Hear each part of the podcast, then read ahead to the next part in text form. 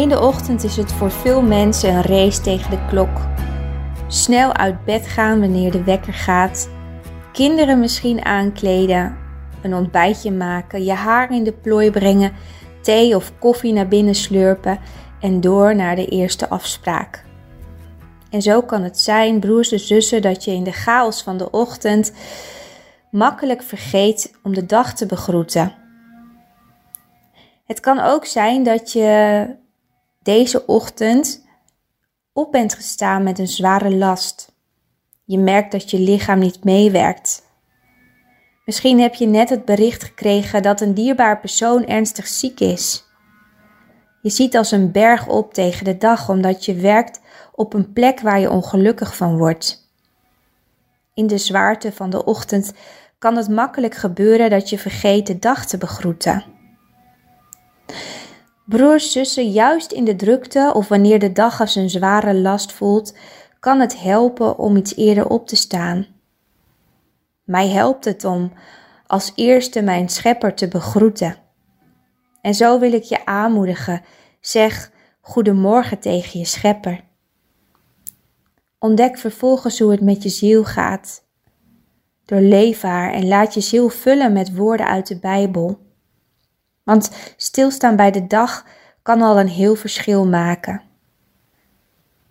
Neem iedere ochtend de tijd om de dag te begroeten, want de dag is een geschenk van God. Besef dat iedere dag kostbare tijd is, ook al wijkt de realiteit vaak af van ons ideaalbeeld. Toch heb je de keuze om vandaag bij de pakken neer te gaan zitten of juist deze nieuwe dag te begroeten met een open blik. Want God wil dat je vandaag leeft.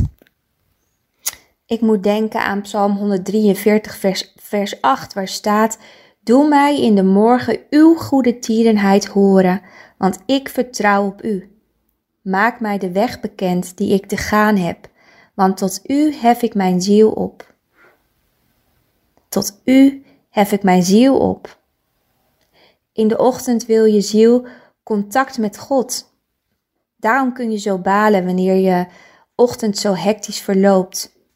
Het voelt als falen wanneer je als een dolle stier tekeer gaat tegen je partner, je kind. Je voelt je leeg wanneer je niet stilstaat bij de schepper die je deze nieuwe dag geeft. En daarom, broers en zussen, begin je dag met God.